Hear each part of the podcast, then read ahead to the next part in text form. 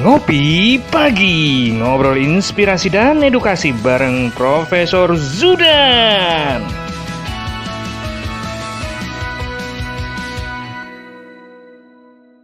Assalamualaikum. Wah, ini karena pakai kopi. Waalaikumsalam Assalamualaikum. Salam uh, bahagia kerabat desa Indonesia. Selamat pagi, luar biasa. Episode kedua karena ada beberapa teman yang menyampaikan, "Cok, kamu kayaknya kurang cocok ini bajunya harus dis, apa disesuaikan sama narasumber." Ya udah saya ngikut termasuk juga biar kelihatan anak baik jadi pakai kopiah juga pagi-pagi. Pagi Prof. Pagi Mas Rio Kaca. Pagi-pagi ini anu, sa saya mencoba berpenampilan agak agak baik jadi anak baik pakai kopiah. Pagi ini kita pengen uh, ngobrolin apa nih Prof?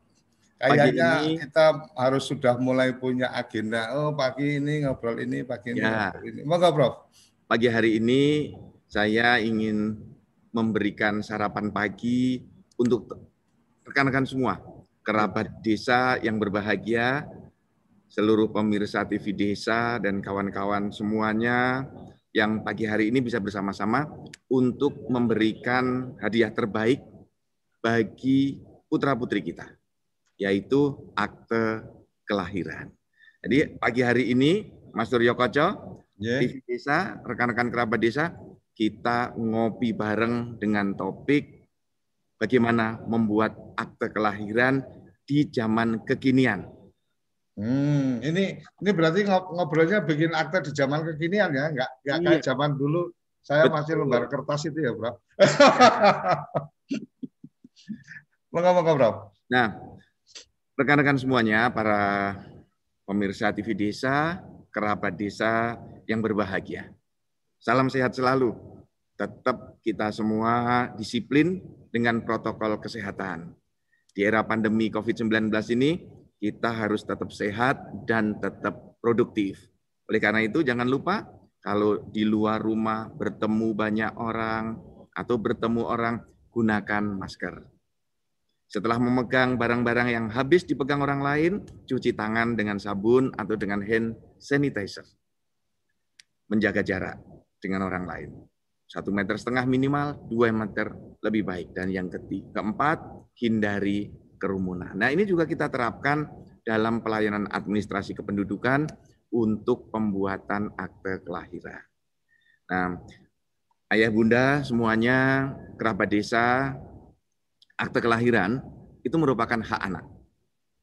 Jadi kita sebagai orang tua, ayah bunda semuanya, para kerabat desa Mari setiap bayi yang baru lahir, putra-putri kita semuanya, dengan penuh kesadaran kita sebagai orang tua, mari kita buatkan akte kelahiran. Nah, akte kelahiran itu untuk apa?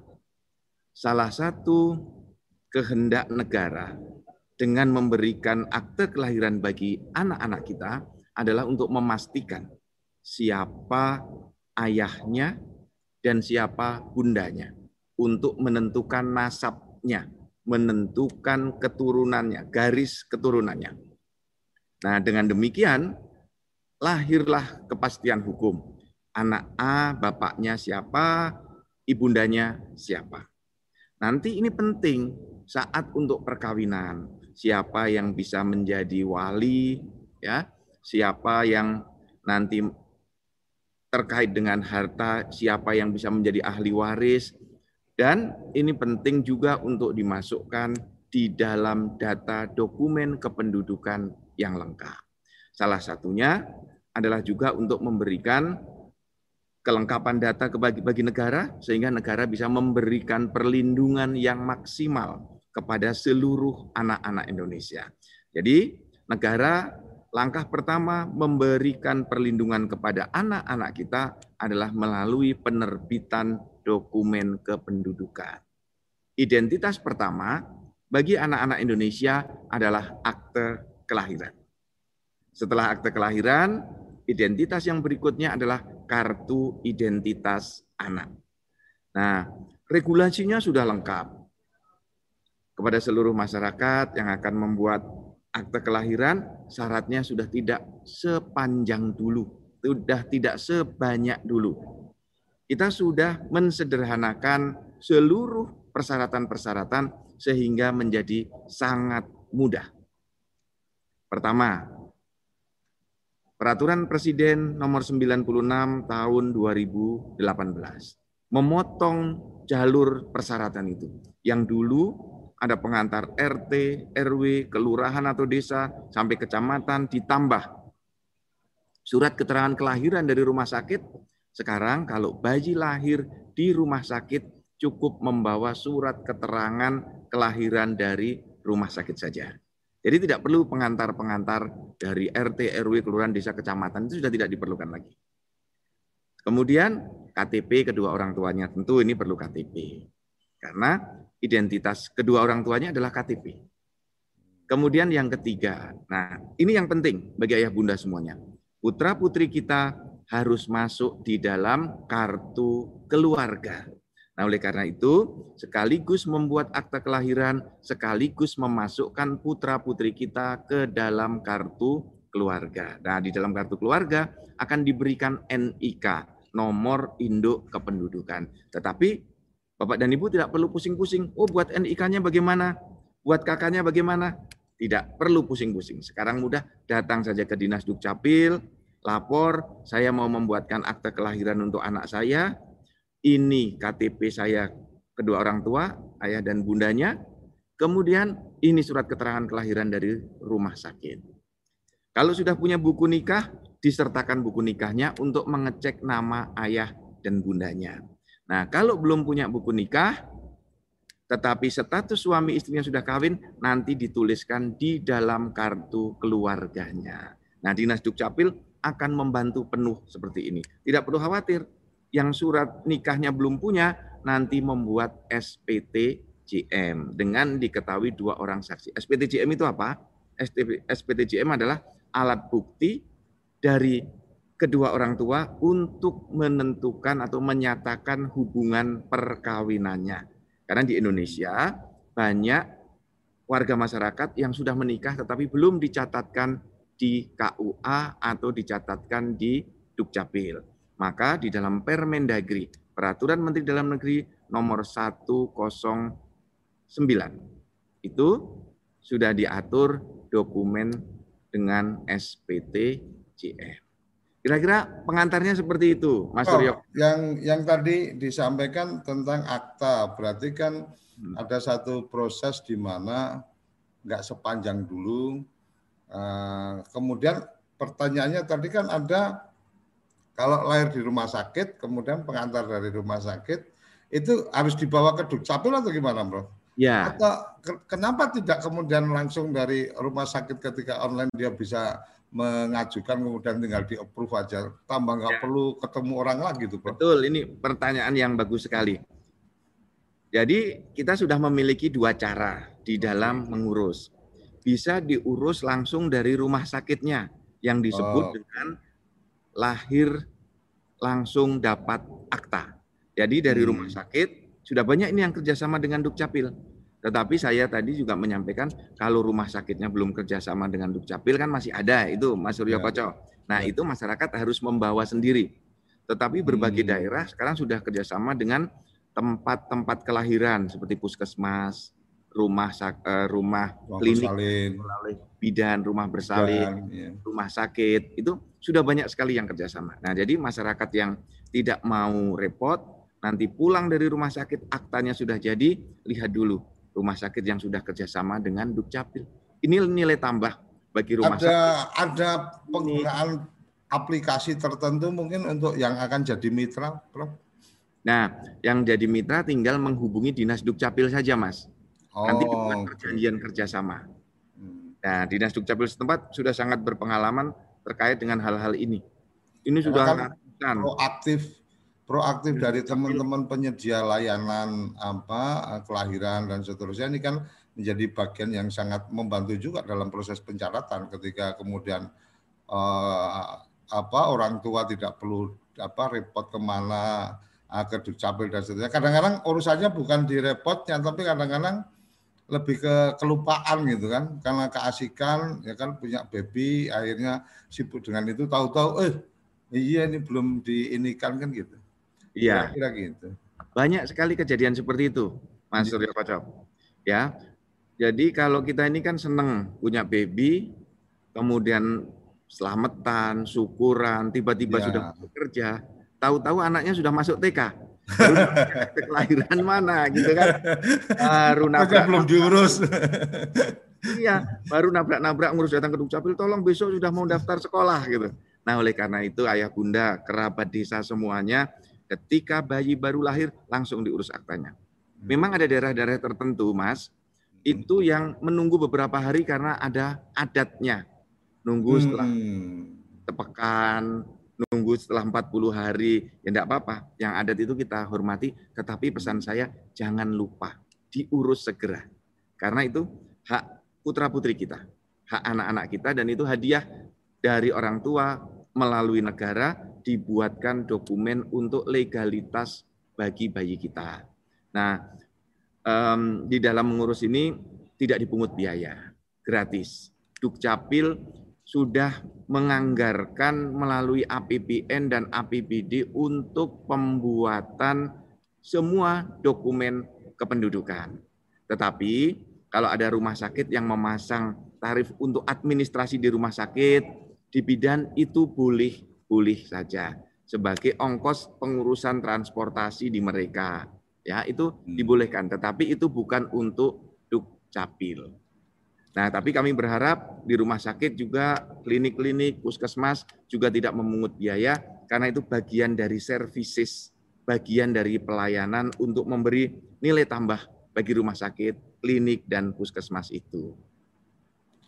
Oke, Prof, ke bicara tentang akta, kemudian hari ini menurut saya ada sesuatu yang luar biasa ketika secara kebijakan, maka ketika seorang apa eh, seorang anak lahir atau bayi lahir dia uh, akan mendapatkan nomor induk kependudukan yang itu tidak akan pernah berubah sampai dia meninggal atau bagaimana bro? Kalau kalau yeah. kemarin yang sempat kita diju, eh, kita uh, obrolkan kan salah satunya dulu itu nomor induk kependudukan kan enam digit pertama itu menunjukkan lokasi kita tinggal. Kalau sekarang kan sudah enggak. Artinya uh, nomor induk kependudukan uh, pada saat uh, pendaftaran akte ini itu yang akan terus apa melekat di nom apa di anak tersebut. Ya, teman-teman semua, Mas Suryo Koco, seluruh kerabat desa, tradisi pencatatan bagi bayi yang baru lahir di Indonesia itu sudah memiliki tradisi sejak zaman Belanda. Hmm. Kita sekarang oleh karena itu di zaman kekinian tidak boleh kalah dengan pendahulu-pendahulu kita di zaman Belanda itu sudah mencatatkan putra-putrinya yang baru lahir. Akte kelahiran merupakan pencatatan sipil di generasi pertama yang sudah ada sejak zaman Belanda. Hanya zaman dulu belum ada nomor induk kependudukannya. Kita memahami zaman itu yang penting dicatat namanya, ditaruh di kantor pencatatan sipil dulu namanya. Hmm. Nah, sekarang dengan menuju era single identity number, satu penduduk hanya memiliki satu nomor identitas. Kalau hmm. nama di Indonesia banyak yang sama.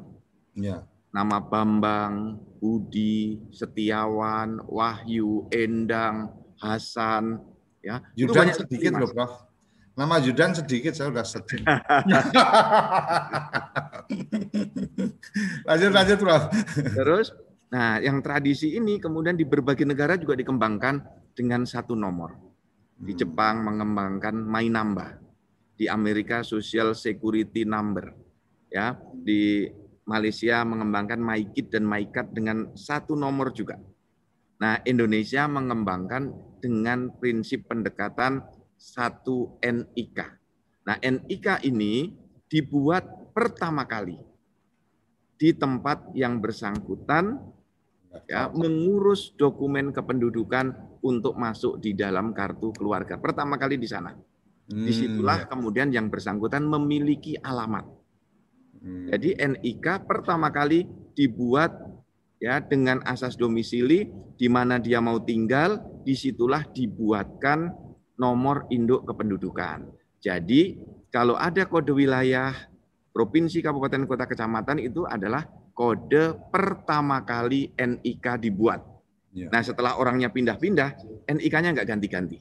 Hmm. Jadi sering ketika pilkada ini saya dapat banyak pertanyaan dari KPU. Pak Zudan, ini NIK-nya palsu ya? Gitu. Ya. Kalau begitu. Gara-gara gara-gara enam digitnya nggak di wilayah itu.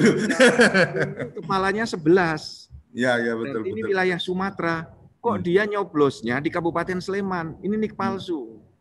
Dia berpikir setiap yang di Sleman NIK-nya kepalanya di IY, kepala tiga.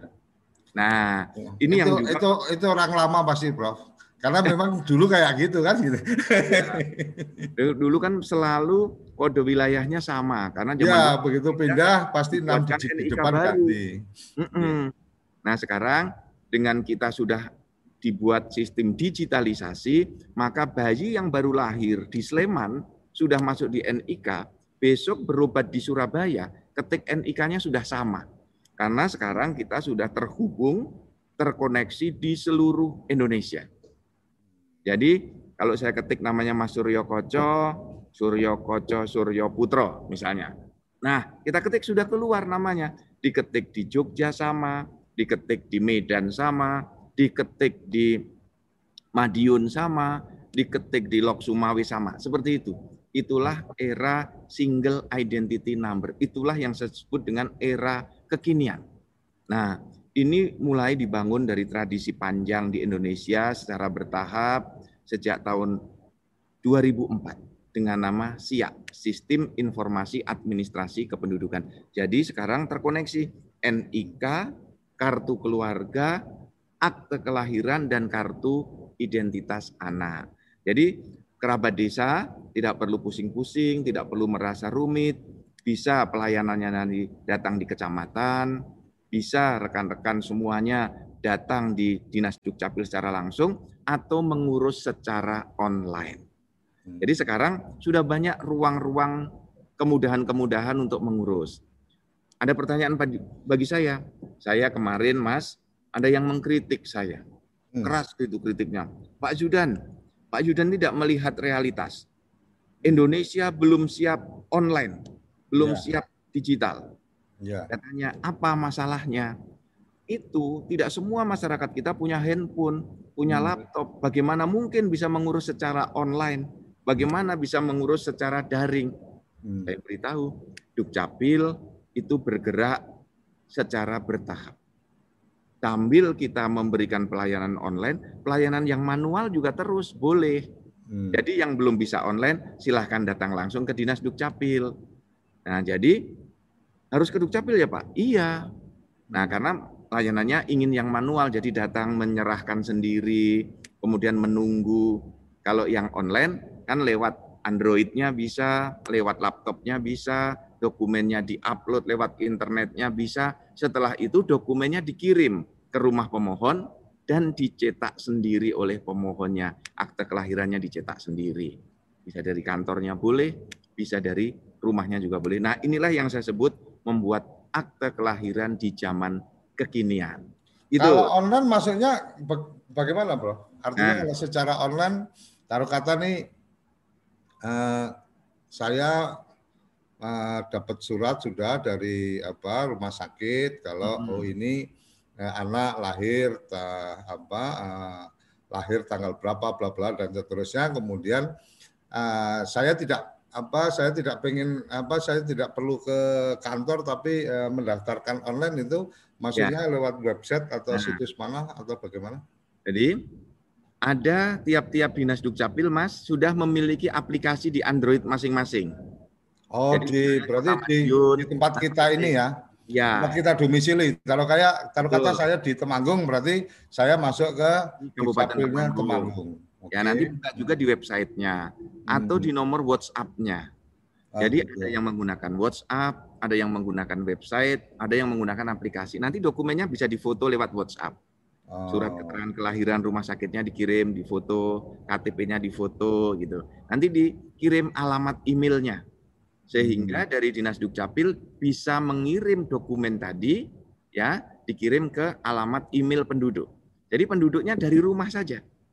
Ini kan era pandemi ya Mas ya, yang diminta masyarakat sebanyak mungkin kalau tidak sangat penting di rumah saja. Berarti tiap tiap tiap daerah ada sendiri-sendiri atau ada satu portal besarnya apa Dukcapil kemudian dari situ kita baru mengarah ke kabupaten atau wilayah nah, kita, Bro. Untuk tahun ini masih parsial per kabupaten, Mas. Oh, Nanti okay. tahun 2021 kita memiliki satu gateway portal nah. Dukcapil Kementerian Dalam Negeri. Nanti nah, masuk sana terus klik ya. Kota Sabang yang di Sabang. Ya. Kemudian ada yang kemudian pindah kota Denpasar, silahkan bisa seperti itu. Jadi kita terus berbenah, Mas, untuk ya. memudahkan ya layanan-layanan dalam rangka memberikan kemudahan layanan dan membuat masyarakatnya berbahagia. Itu, Mas.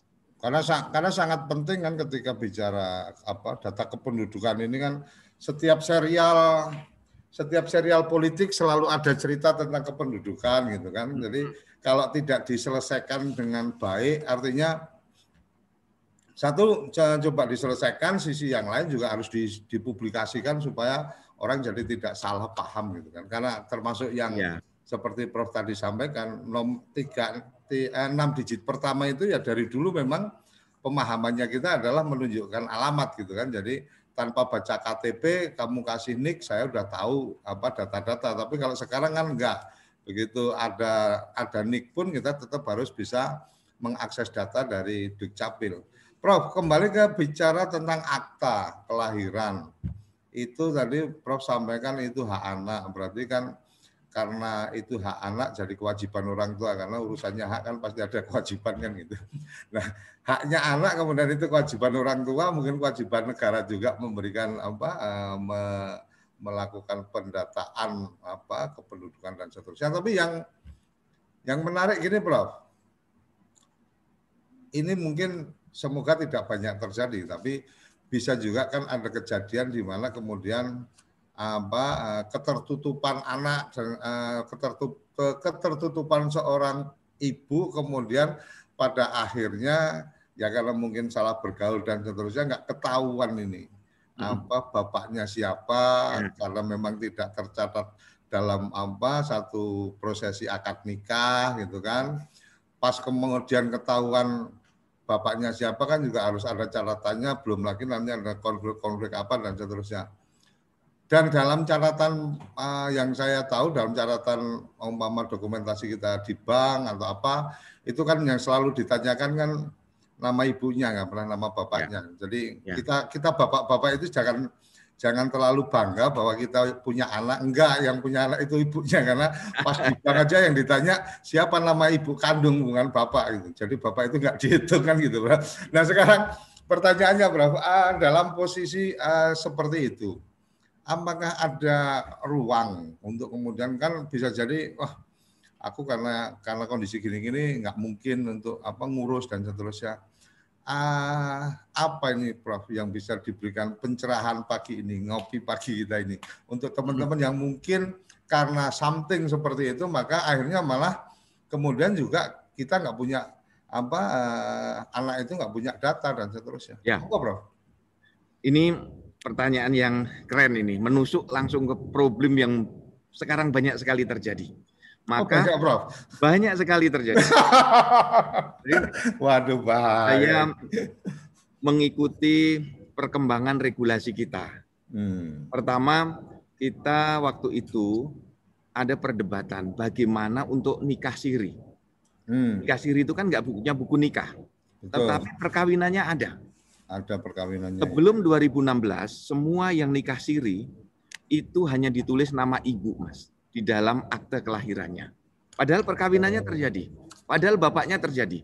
Nah inilah yang ada bapaknya, tapi karena nikah ada kemudian nikah. Hmm. sehingga ditulis nama ibu. Ini meruntuhkan martabat anak. Sehingga terkesan anak ini nggak punya bapak. Ya. Ini berimplikasi dari akte kelahiran ke, ke rapot siswa, ke ijazah hmm. siswa, kan begitu? Ya betul. Sehingga dikosongi semua. Anaknya kan bertanya-tanya, loh Bu, bapakku itu yang mana? Lah ini bapakmu. Gitu.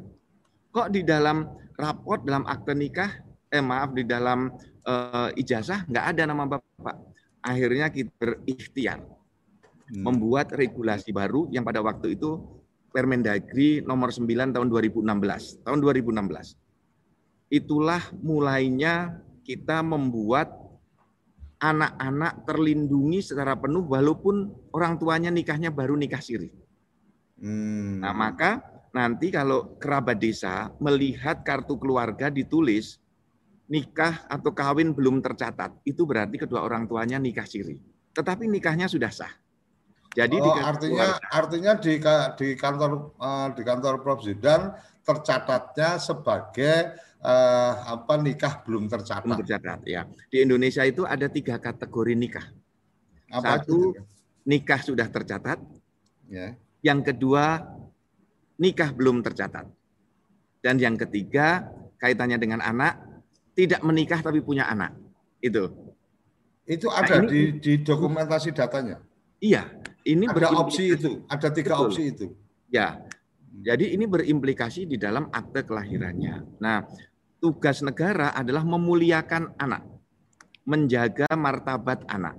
Maka ya. dengan Permendagri 2 tahun eh maaf Permendagri 9 tahun 2016 yang kemudian diperbaiki dengan Permendagri 109 2019. Maka anak di Indonesia disediakan empat model akte kelahiran. Empat model. Pertama, yang ayah bundanya sudah menikah dan tercatat. Inilah model akte kelahiran yang paling komplit. Ditulis nama bapak ibunya. Karena sudah menikah dan sudah punya buku nikah. Model pertama, ini model yang paling komplit. Hmm. Kemudian model yang kedua, ayah bundanya ada, sudah menikah tetapi belum dicatat. Juga diterbitkan akte kelahiran bagi putra-putri itu dengan nama ayah bundanya. Tetapi di bawahnya ditulis di akte kelahirannya bahwa kedua orang tuanya belum e, nikah belum tercatat.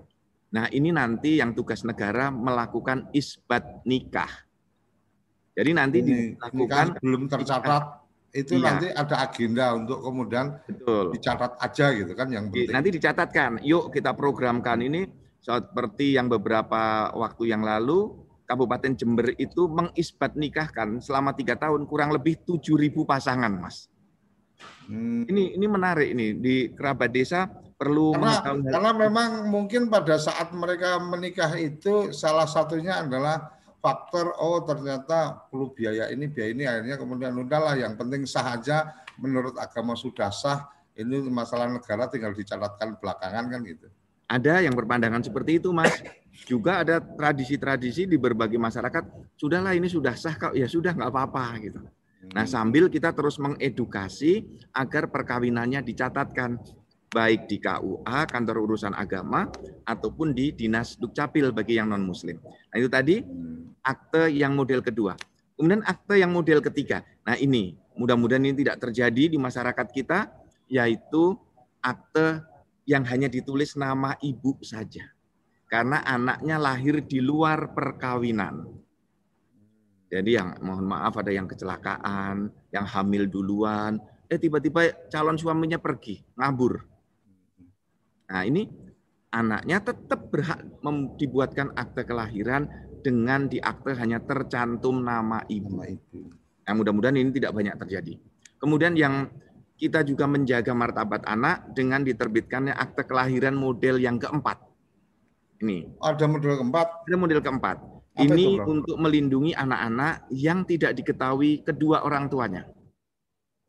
Jadi model akte kelahirannya hanya ditulis nama anaknya saja. Jadi kerabat desa, rekan-rekan oh, semuanya. Ini kayak mama nasib anak yang dibuang gitu aja, ya. tidak ketahuan Betul. siapa bapaknya, siapa ibunya. Ya. Kemarin sempat kejadian uh, di dekat rumah itu, jadi tahu-tahu ditaruh di apa kardus ditaruh gitu, kok apa ada suara nangis ya. Oh ternyata. Betul. Kan sering kan Mas kita menemukan itu ditinggal di panti asuhan. Ada ya Prof itu ya? Ya? Uh, yang apa uh, untuk ini untuk, model keempat. Uh, untuk mencatatkan yang itu ada ya. Artinya ada. Artinya tidak kemudian kita harus berbohong seumur-umur gitu kan. Umpama nih saya nemu gitu kan.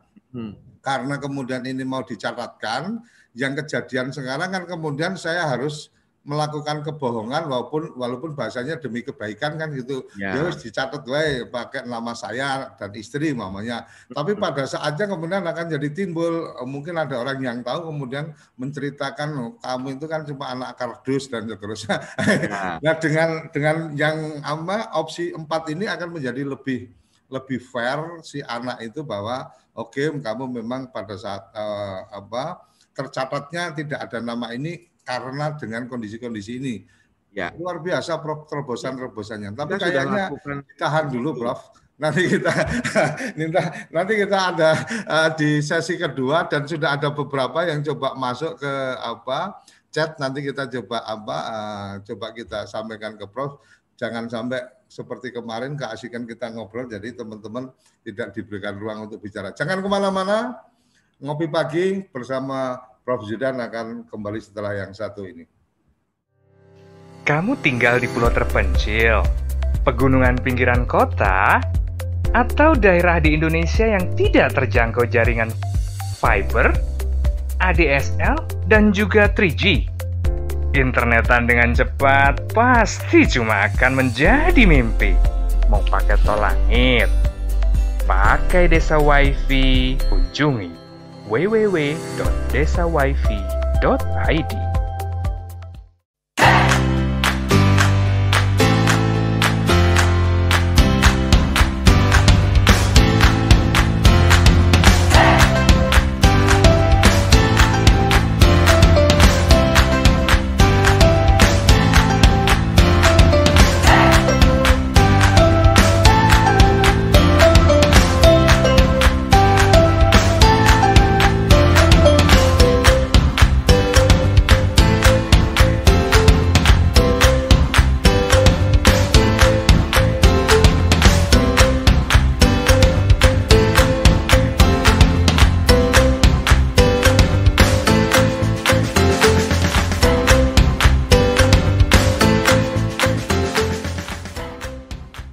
toko IG.id, toko Instagramnya orang Indonesia. Ayo, kandidat kepala daerah, manfaatkan kesempatan ini. TV Desa mengundang Anda bicara desa. 5 menit bisa. Bicara Desa. Sebuah program tayangan monolog, konsep membangun dari desa. Dari kandidat untuk masyarakat. 5 menit bisa. Bicara Desa hanya di TV Desa.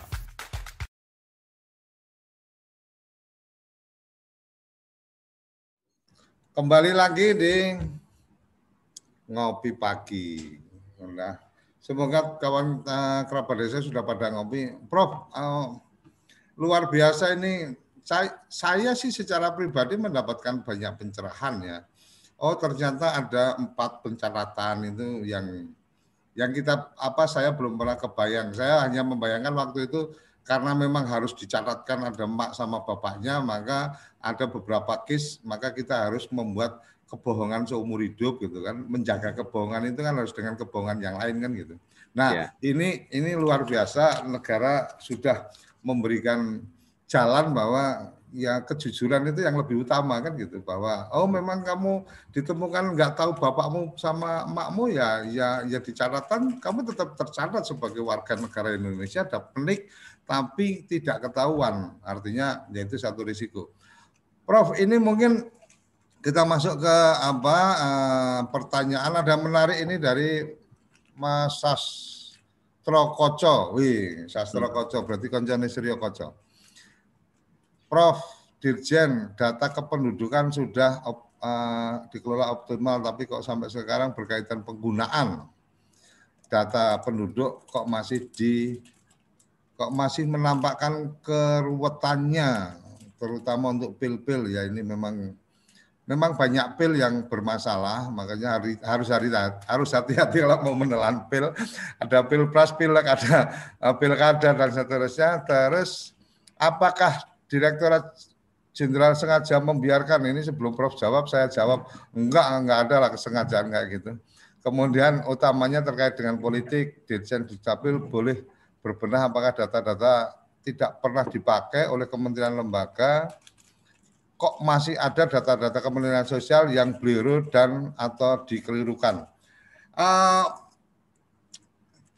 Prof. Zudan lebih punya hak menjawab walaupun beberapa hal tadi saya sampaikan saya yakin seribu sejuta persen lah kalau um, uh, pemerintah tidak dalam agenda untuk membuat carut marut dan kemudian apa perbedaan data dan seterusnya mungkin ini bagian Prof. Zudan yang bisa lebih fair menyampaikan bahwa memang data single atau uta, data utama kependudukan ya memang ada di sini bahwa kemudian yang lain memakai atau tidak itu urusan dan cerita yang lain. Monggo Prof. Ya. Profesor yang lebih punya hak. Koco. Lebih punya hak. Pertanyaannya dari Mas Koco juga ya. Yeah. Mas Sastro Koco. Sastro ya, Koco ini ini ada ada di chat Zoom Prof. Ya. Ya.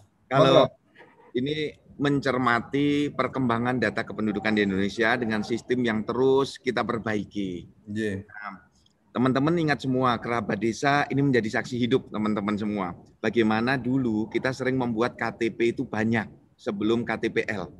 Hmm. Ayo kita ingat siapa yang dulu pernah memiliki KTP lebih dari satu. Saya enggak, Bro. Saya begitu selesai langsung tak balikin KTP begitu pindah Jakarta KTP Semarang saya balikin. ya. kita itu dulu tradisi kependudukan kita punya rumah di desa A punya KTP desa A, punya rumah di kota B ya. KTP B, kemudian punya istri di provinsi. Oh itu saya saya baru mau nunggu Profesor ngobrol itu punya istri ini punya KTP di sini. lanjut lanjut terus. Sehingga data kependudukan di Indonesia itu lebih banyak dari aslinya. Hmm, ya ya ya ya ya. data penduduk kita ada Mas, penduduk kita memiliki 4 NIK. Namanya sama, tanggal lahirnya sama, memiliki 4 NIK, 4 alamat. Jadi hmm. setiap hmm. kali pindah dia membuat KTP baru, belum KTPL. Hmm. Kemudian ada punya istri tiga, KTP-nya juga tiga. Oh istri tiga biasanya ngapet KTP-nya empat, bro, karena masih harus ada cadangan satu lagi. Nah, inilah yang terus kita benahi. Maka kita membenahinya di Indonesia itu kalau tidak ada sistem insentif, masyarakat tidak mau berbenah. Oke, oke, oke, betul, betul. Jadi dalam banyak pengalaman kita bersama, banyak penduduk sudah pindah rumah, data di KTP dan di KK-nya belum diupdate. Hmm. Putra putrinya sudah kuliah, di kartu keluarganya masih pendidikannya SD. Banyak sudah hmm. lulus S2, masih ditulis SMA. Banyak yang sudah bekerja jadi PNS masih ditulis mahasiswa. Nah, kepedulian mengupdate data itu belum tumbuh. Maka saya membangun ekosistem. Hmm. Dukcapil Kementerian Dalam Negeri bergerak bekerja sama dengan berbagai lembaga membangun ekosistem. Jadi kami didukung oleh berbagai lembaga. Jadi hmm. updatingnya melalui berbagai lembaga. Misalnya untuk membuat SIM sekarang harus dengan KTP elektronik. Kalau belum berKTP elektronik pasti ditolak oleh Polri. Membuka hmm. rekening bank, mau kredit bank, pasti syaratnya KTP elektronik. Hmm. Mau membuka asuransi, membuat sertifikat tanah, mau membuat NPWP, syaratnya harus KTP elektronik. Kalau tidak KTP elektronik, pasti ditolak. Nah, mengapa seperti itu? Karena di Indonesia sekarang mulai jalan pendekatan ekosistem. KPU, Badan Pusat Statistik sekarang menggunakan data Dukcapil. Kita kerjasama. Hmm. Jadi untuk nyoblos pilkada besok wajib membawa KTP elektronik. Jadi yang belum punya KTP elektronik harus segera merekam. Nah, artinya artinya Prof sorry uh, maaf saya potong artinya untuk pilkada serentak besok uh, itu insya Allah tidak akan ada terjadi lagi masalah apa cross data artinya ada data yang nggak ya. benar ada pemilih yang nggak pas dan seterusnya karena memang sudah menggunakan data KTP elektronik ya. yang ya. tidak menggunakan KTP elektronik pasti tidak bisa apa melakukan apa menggunakan haknya gitu. ya, betul jadi hmm. kita mendorong untuk menghindari pemilih ganda menghindari ya. manipulasi data itu hmm. wajib membawa KTP elektronik Nah, bagaimana yang belum punya KTP elektronik wajib membuat KTP elektronik harus merekam.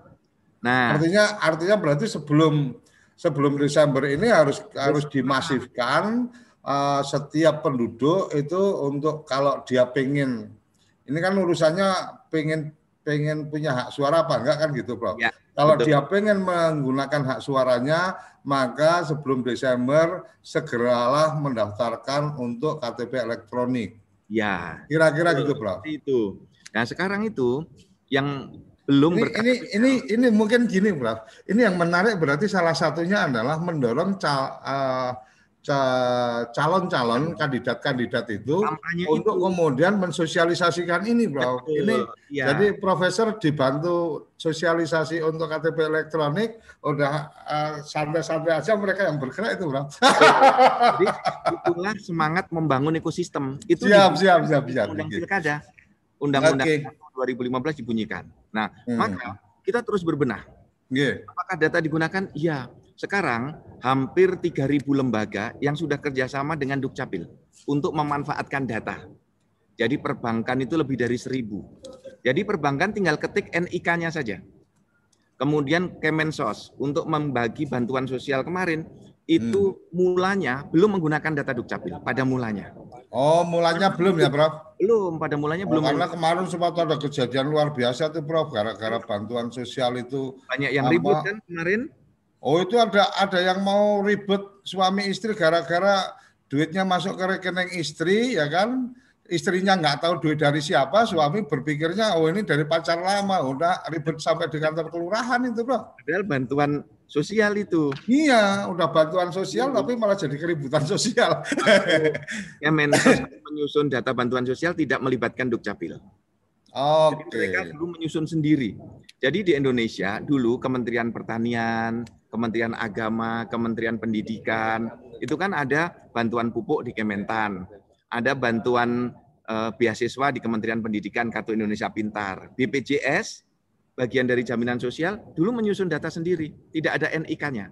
Nah, setelah Kalau kerja sekarang udah udah firm ya, Prof? sekarang firm hanya yang punya NIK yang dilayani terlebih dahulu.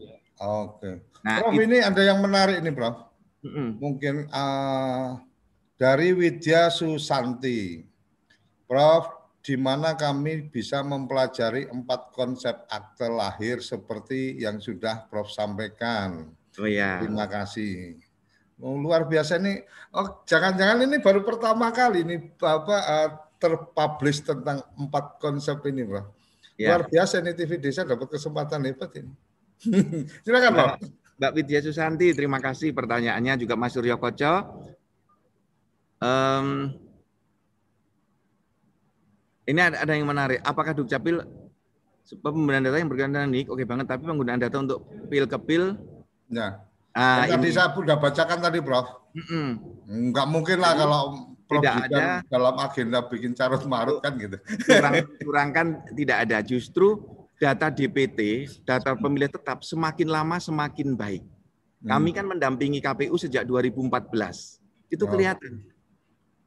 DPT yang dulu nggak ada NIK-nya, yang ganda-ganda sudah mulai kita bersihkan. Terus kita perbaikan. Kekurangannya masih ada nggak? Tentu saja masih ada. Ya. Kekurangan selalu ada. Karena ada penduduk yang meninggal setelah DPT ditetapkan, itu kan nggak dilaporkan.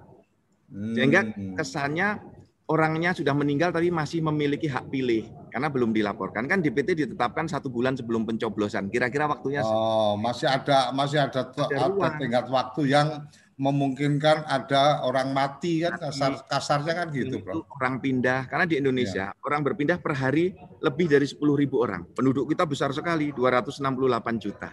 Nah, Mbak Widya Susanti sekarang Mas Suryo Koco eh Mas Koco siapa tadi? Anu, Prof. Sebentar sebentar saya scroll, up. Sastro Koco. Matur nuwun Mas Sastro Koco nanti kapan-kapan main ke kantor saya di Dukcapil Pasar Minggu bisa bisa buka bagaimana integrasi data KPU dengan Dukcapil dengan Badan Pusat Statistik. Bisa bisa ngopi bareng Prof Zudan langsung di kantor. Kalau Ya. yang pengen pengen tahu lebih detail karena ada bagian-bagian yang menurut saya ini sesat- satu keterbukaan yang luar biasa, masyarakat bisa lebih tahu detail bahwa eh, data kependudukan itu sangat penting dan teman-teman di di Dukcapil itu nggak main-main atau tidak kemudian mempermainkan data-data itu. Kira-kira kan gitu, Bro. Betul, betul. Kemudian Mbak Widya Susanti, kalau ingin mempelajari empat bentuk akte kelahiran, pertama bisa dibuka Permendagri nomor 9 tahun 2016 gitu. Ya.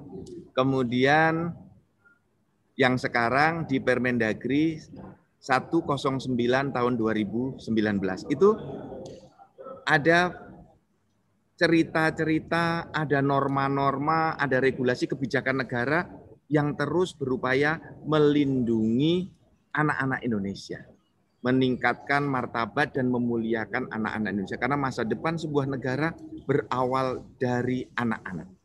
Anak-anaknya tumbuh sehat, tumbuh bahagia, negara akan kuat. Tapi kalau anak-anaknya tumbuh menderita, stunting, tidak ada perlindungan hukum, nah ke depannya juga akan menjadikan masa depan negara kita tidak akan lebih bagus dari sekarang. Jadi awali dulu dari hak-hak anak kita penuhi dengan baik. Nah, jadi terima kasih banyak ini Mas Suryo Koco dengan TV Desa. Kita bisa berdialog pagi, mengedukasi, ngobrol bareng, Ya. Ngopi bro, yang penting ngopi bro. Ini Ngopi. kayaknya saya perlu ngangkat kop, ngangkat, ngangkat muk untuk besok udah ada gambarnya Kemen Kemendagri ini. Iya. cangkir, cangkirnya saya perlu dapat cangkirnya Kemendagri. Jadi dari sini wah ini masih belum ada labelnya. Iya. Oke oke Prof. Ini eh, sangat luar biasa ternyata.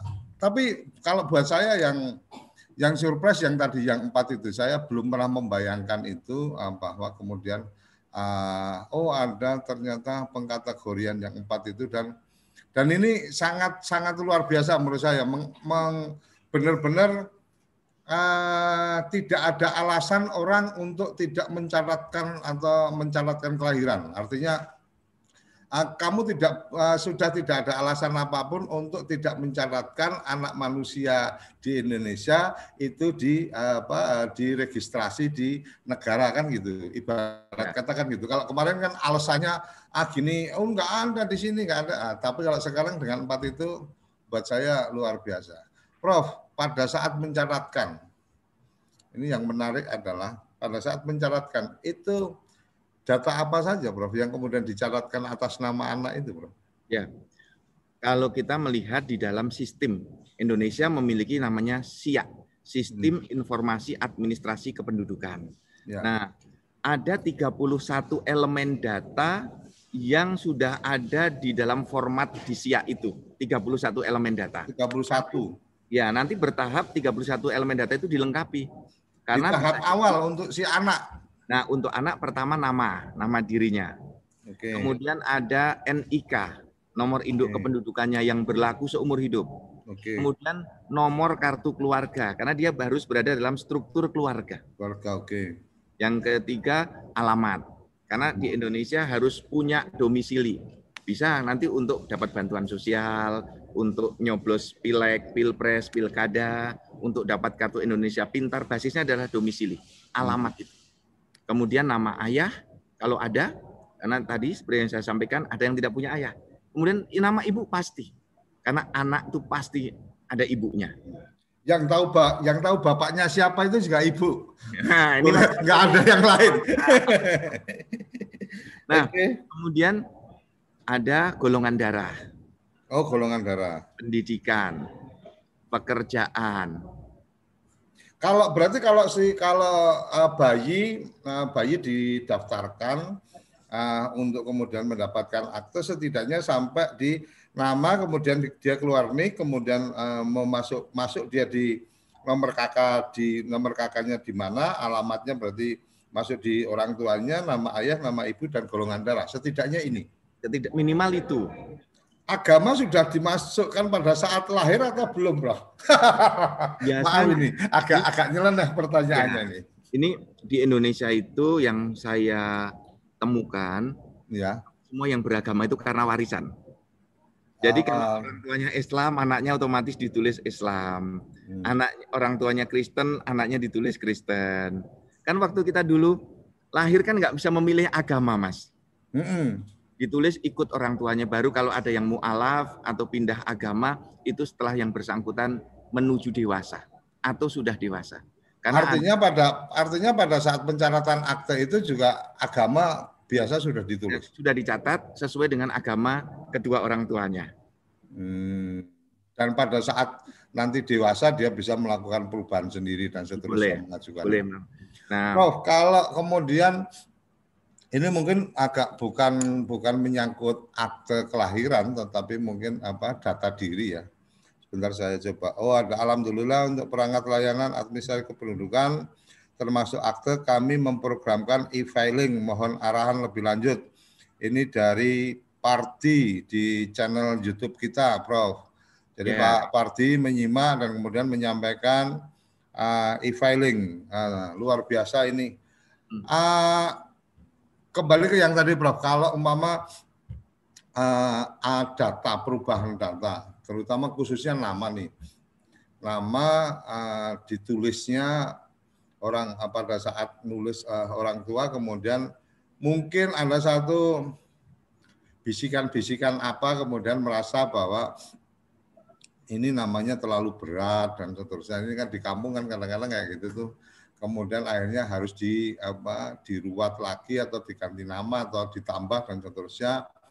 Kemudian ada juga yang kemudian setelah oh setelah menikah terus pengen ditambah nama suaminya dan seterusnya. Yang kayak kayak gitu seperti apa, Prof? Mungkin Ya. apa walaupun ini uh, keluar dari agenda obrolan kita pagi ini ya masih ada beberapa menit uh, tapi kadang-kadang pengen juga nih nama terus ditambahin biar keren gitu kan. Dulu saya ah, dulu saya pernah saya tambah belakangnya itu Adi Prawiro gitu kan. Nama saya aslinya cuma Suryo Koco aja. Adi Prawiro dengan cita-cita seperti apa. Habis itu kepikiran kenapa nggak saya tambah nama bapak saya. Akhirnya sekarang lebih ke nama ini aja, nama gaul apa di populer aja. Tapi kalau di akte nggak ada perubahan. Apakah ada kemungkinan untuk ada perubahan-perubahan seperti itu, Prof? ya. Ada di Indonesia itu nama yang digunakan sebagai branding. Nama diri yang muncul di media, di TV, tetapi tidak masuk ke dalam dokumen kependudukan. Ya, Itu tidak perlu merubah data kependudukan. oke. Nah, itu karena dia hanya untuk nama pasar, nama keren gitu ya, nama ya. branding. Nah, sedangkan kalau di dalam dokumen kependudukan itu ada aturan-aturannya. Misalnya kalau salah huruf, Ya, di Indonesia itu yang banyak salah huruf U dengan double O, ya. dengan Z. Nah, kemudian kalau salah huruf itu hanya cukup diperbaiki redaksional saja. Cukup diperbaiki dengan dicoret, diganti dengan paraf. Itu nama. Hmm. di dalam dokumen kependudukannya. Nah, nanti kemudian diperbaiki kalau akte kelahirannya salah harusnya dengan Z ditulis I nanti cukup dicoret, dibetulkan di paraf. Oh, gitu. Namanya perubahan redaksional. Tetapi ada Mas yang merubah nama Ya. dengan menambah nama baptis misalnya. Hmm. Nama baptis itu kan diberikan setelah beberapa tahun dari kelahiran. Betul. Nah, dulu di akte kelahirannya belum ada, maka ini masuk kategori merubah nama. Kalau merubah nama harus dengan penetapan pengadilan, menambah suku kata. Misalnya dulu Oh. ada juga namanya disingkat M, M Hasan. Kemudian dia ingin, Pak, saya ingin M-nya dipanjangkan jadi Muhammad Hasan. Hmm. Nah, itu menambah nama. Kalau menambah nama berarti harus dengan penetapan pengadilan karena M itu bisa artinya Mahmud, Muhammad, Markus dan seterusnya. Itu harus dengan penetapan pengadilan. Jadi memberi nama harus fix.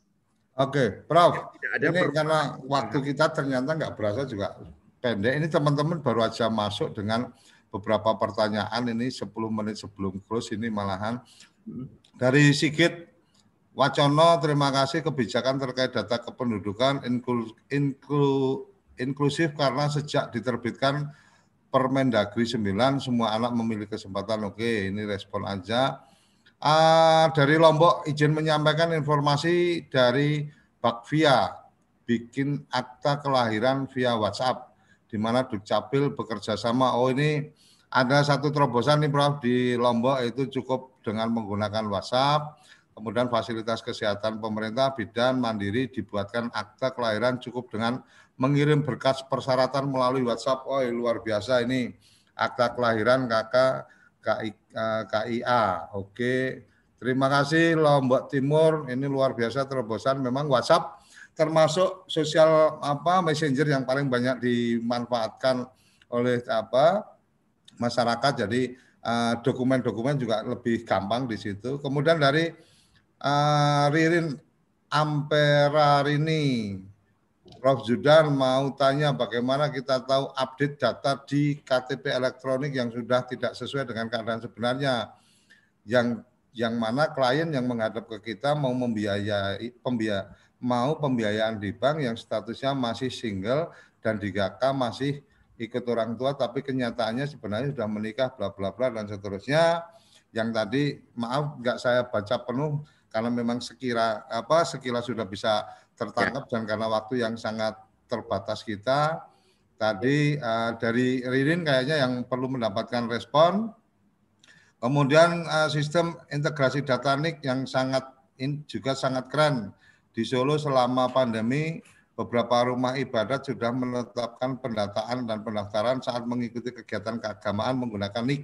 Sehingga jika ada OTG memiliki gejala oh, dapat trackingnya dapat lebih cepat. Oke, Prof dari beberapa uh, dari beberapa yang ini karena waktu kita juga tinggal lima menit lagi, uh, mungkin yang bagaimana cara kita tahu update data KTP elektronik yang sudah tidak sesuai dan seterusnya tadi, Prof. Silakan, ya. Prof. Terima kasih saya rangkum Mas Suryo yeah. Koco.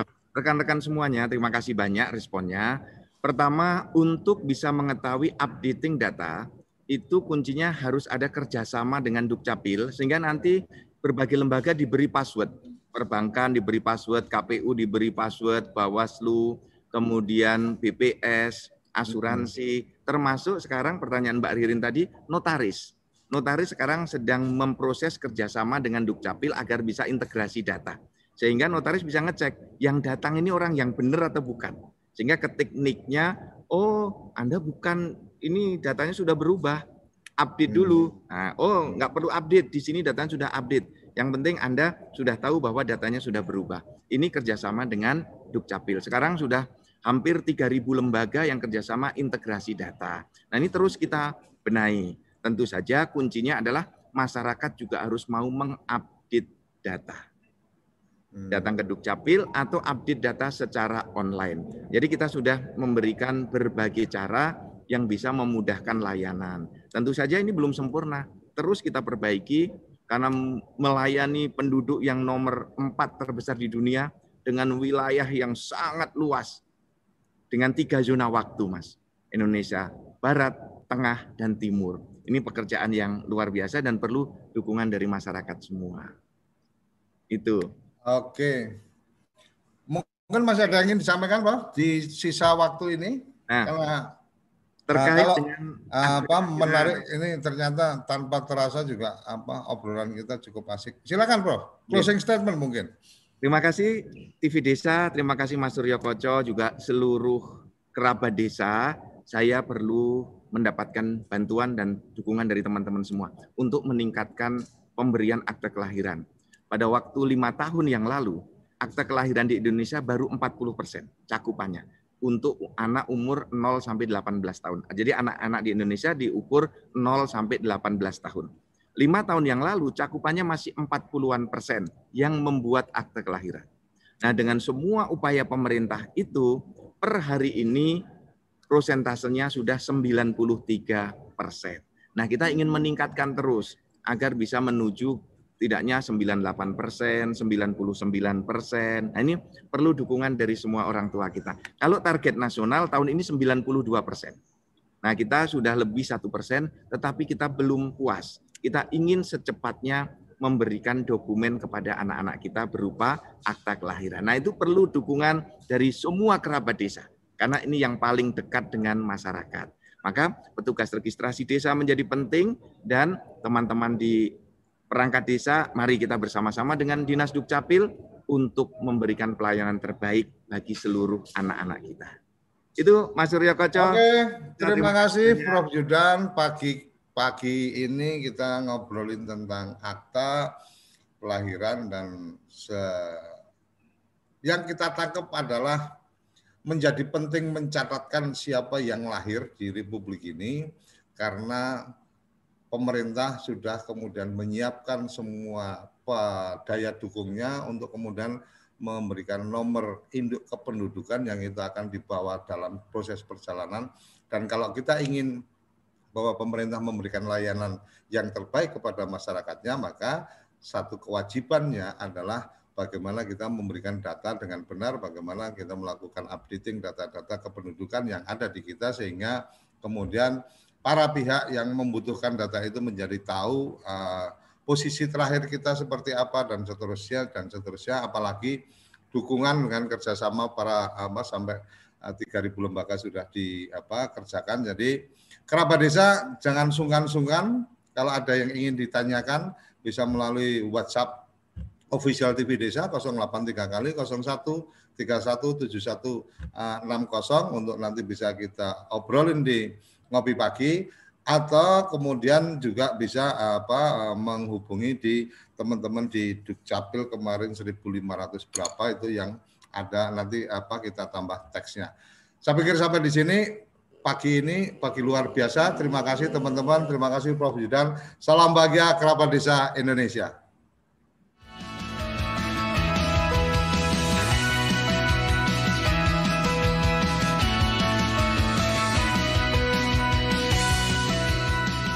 Ngopi Pagi, ngobrol inspirasi dan edukasi bareng Profesor Zudan.